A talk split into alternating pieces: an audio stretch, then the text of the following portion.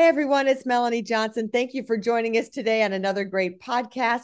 We're here to talk with such an interesting man who has this journey of coming to America and everything that he learned and the things that he had to overcome and all the adversity that he had to overcome to get here. And I just think he has such an amazing story. So, Paul Reichman, thank you for joining us today and telling us about your story. Well, thank you. So Tell us how you tell us a little bit about your background. My background is I grew up in another country. And as I was growing up, I witnessed something extraordinary that helped me discover the purpose in my life. The event was I witnessed a fast moving star streaking across the night sky from west to east and disappearing over the horizon in a few minutes.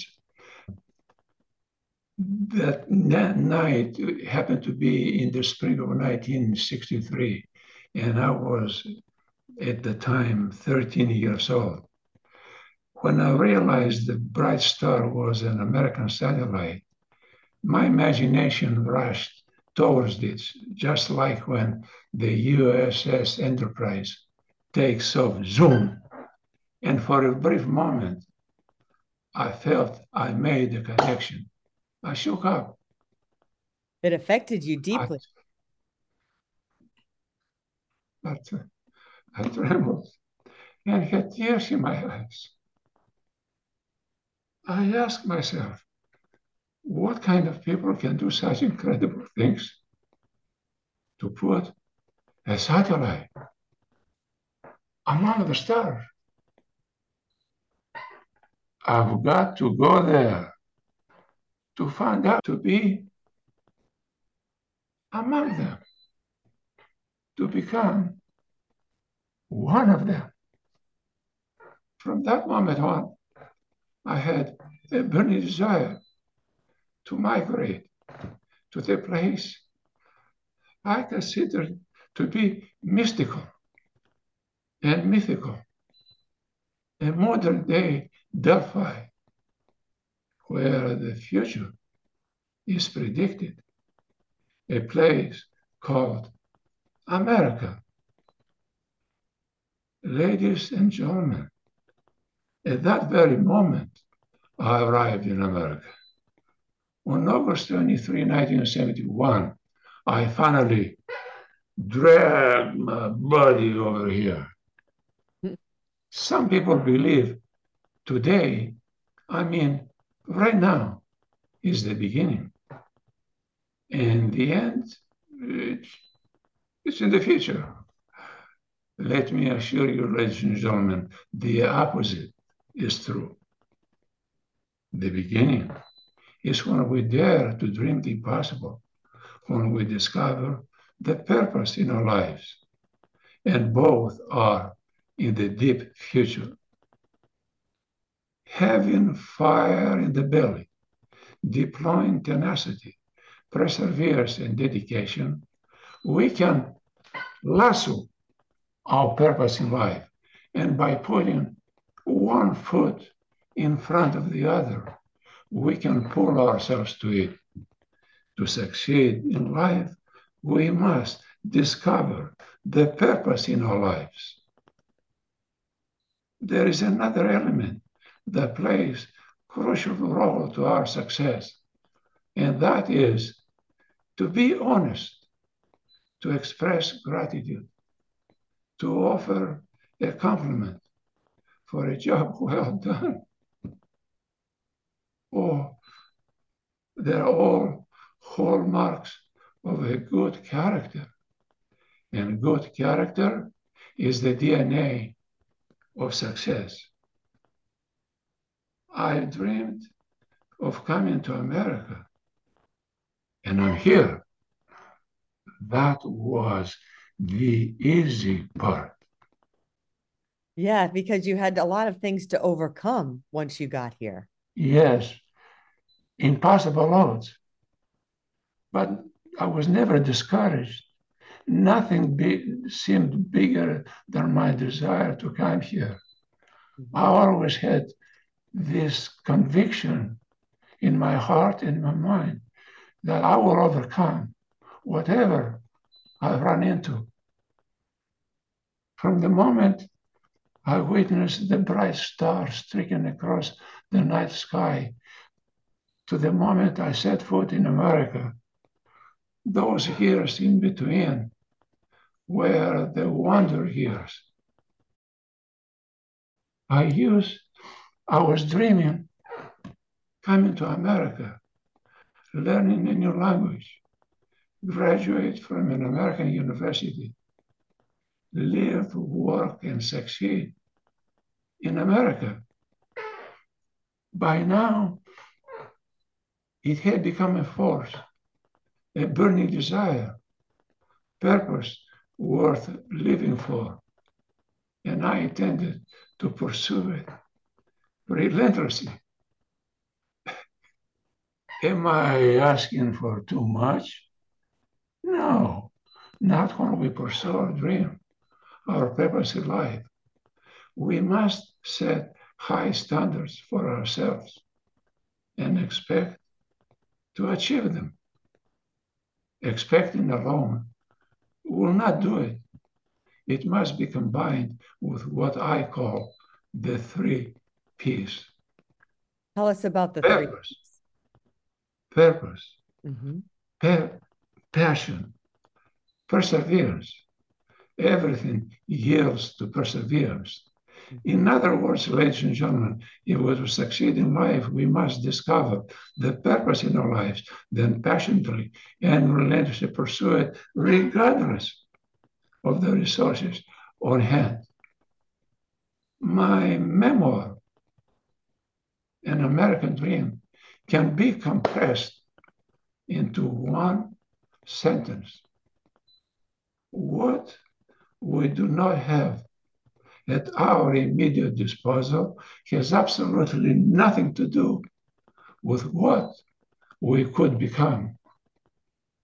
Becoming, reaching our potential, self actualization, and the passion to excel is the true American dream. Is the true American dream. And how do you get sometimes people, you know, get knocked down and they have to be resilient and they may try and lose the passion. How do you keep the passion and keep the three P's when things don't go your way? Because that happened to you. No, never. Never. You don't allow, you don't allow an obstacle to look bigger than you. You need to stare them down. You have to develop the passion. The passion is the fuel that keeps you gives you all this thrust like a rocket. You know what I mean? And in the beginning, it's like if you are watching the launch of the rocket, you know, the whole ground is trembling. Yeah. The thrust, but it's moving very slowly. You cannot expect, you know, to go too quick. You know what I mean? And it, it accelerates. You you have to have perseverance to maintain that thrust through to get you to the space, the ultimate frontier. You know what I mean? And it's not an easy thing. There's no quick fix. It takes time and effort. My local environment was hostile to my dream. So I ignored them. I did not let the noise of others' opinion drown my own inner voice. Mm-hmm. And most important, I had the courage to follow my heart and intuition. They somehow already know what truly wanted to become.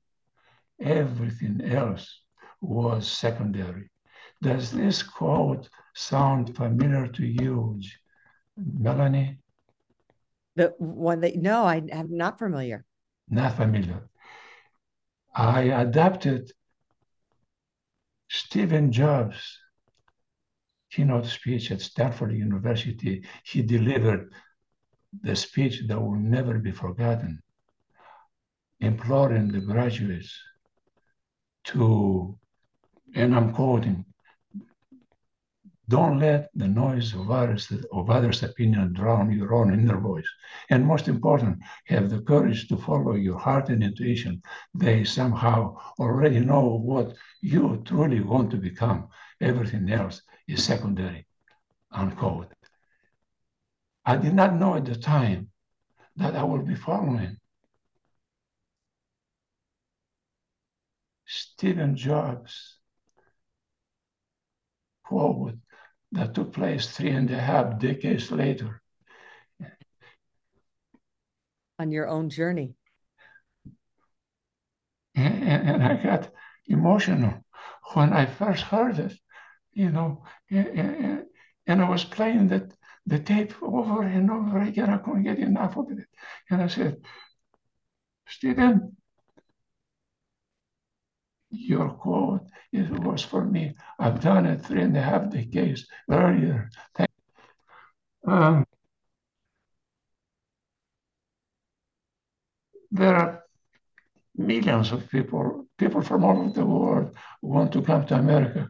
And I don't know what Elon Musk was born in South Africa.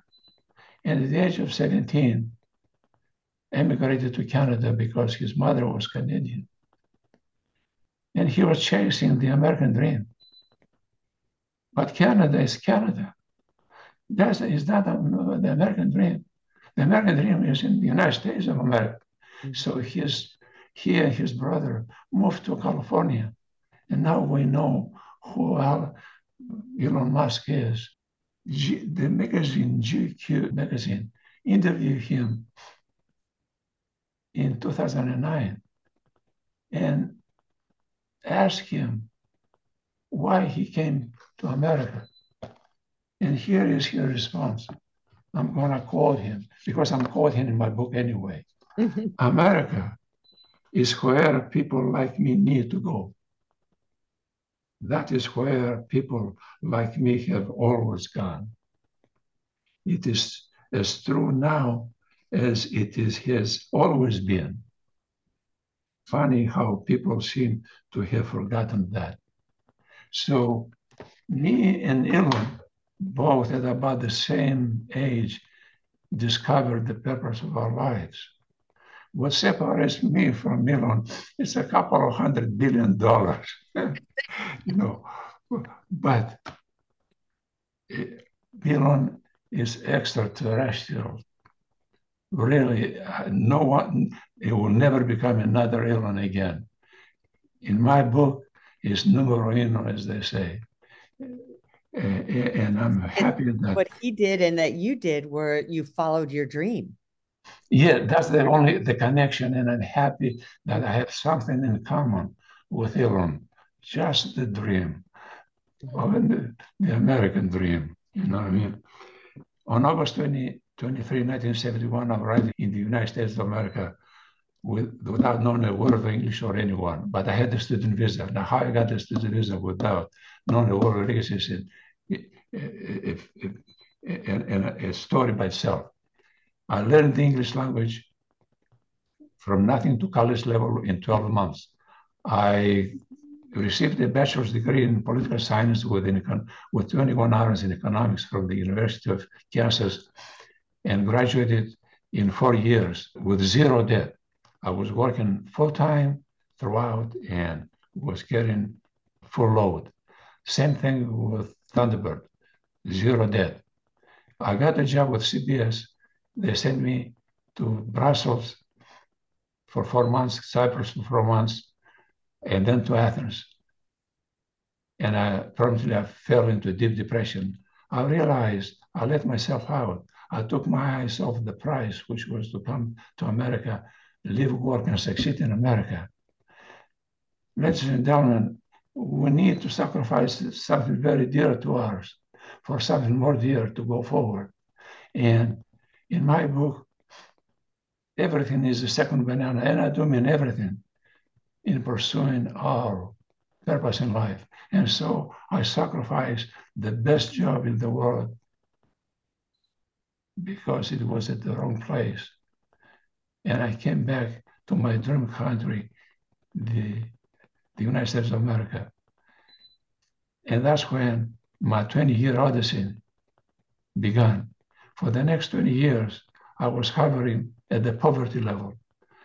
Two or three years of those 20, I fell below the poverty level. But I never gave up. I knew someday I will have a breakthrough which was when I opened my, I found my business, State Inspection of Gibbon in 2001, was possible by the fourth month of the operation, never looked back. I bought a brand new house in, in February 2005 and paid off, paid off the, the mortgage in four, in four years. And happened to be on April 1st, 2009 no April Fool. I I sold my business in 2018, and now since then I've been retired. On November 25th, I had an open heart surgery. 2019, November 25th, I had an open heart surgery. My cardiologist told me I can't believe you have, to, you must have an open heart surgery. You have no red flags, you're stream, you exercise, you no red flags, you know. But stress, what you've been through, chronic stress can clog the arteries. Mm-hmm. And I need you to do an angioplasty to make sure your veins are clean. And so I did the, the open heart surgery because the, the one vein was 50%, the other one was 70%, the other was 80%, and the fourth one was 90%. And he told me that's the widow, oh, uh, I call it the widow maker, you know what I mean? I can put a stent on the other three, but not on that one. You have to have an upper an upper hand surgery. So I did in in in, in spring of 2022. I was diagnosed with lymphoma, I had four rounds of rituximab. As, as far as I know, I'm free of uh, lymphoma. And but my doctor routinely, you know, checks on blood tests and CT scans. Uh, and then late 2022, I stumbled into a company called Elite Online Publishing. And now you know the rest of the story. That now he has a best selling book and you've overcome so many things and pursued your dreams. I hope all of you are inspired by Paul today. And I'm going to encourage you to go get his book called An American Dream. It's on Amazon. Look for it, An American Dream, and it's everywhere books are sold. You can find it everywhere books are sold. And Paul, tell us where your website is. What's your website? anamericandream.org. Perfect. So check his website out, go get his book. Thank you so much for coming on the show today, Paul. Very much an inspiration to all of us to fulfill your dreams and never give up and make those good choices and living with your passion and your purpose and your perseverance is amazing. Thank you so Thank much. Thank you. Well, the success of the book, thanks to Elite Online Publishing. Thank you. I appreciate, you know, the extra effort eh, you ladies, you know, put to publish it. You're welcome. And if you want to become an author or working on a book, reach out to us at eliteonlinepublishing.com and have a great week, everybody. Fantastic week. We'll see you next time. Thank you. Hey, are you looking to increase your revenue, build credibility, and elevate your brand?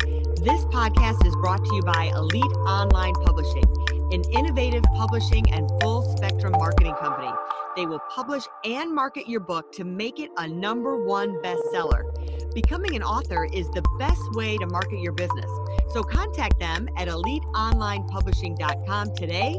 All of their authors become number one bestsellers.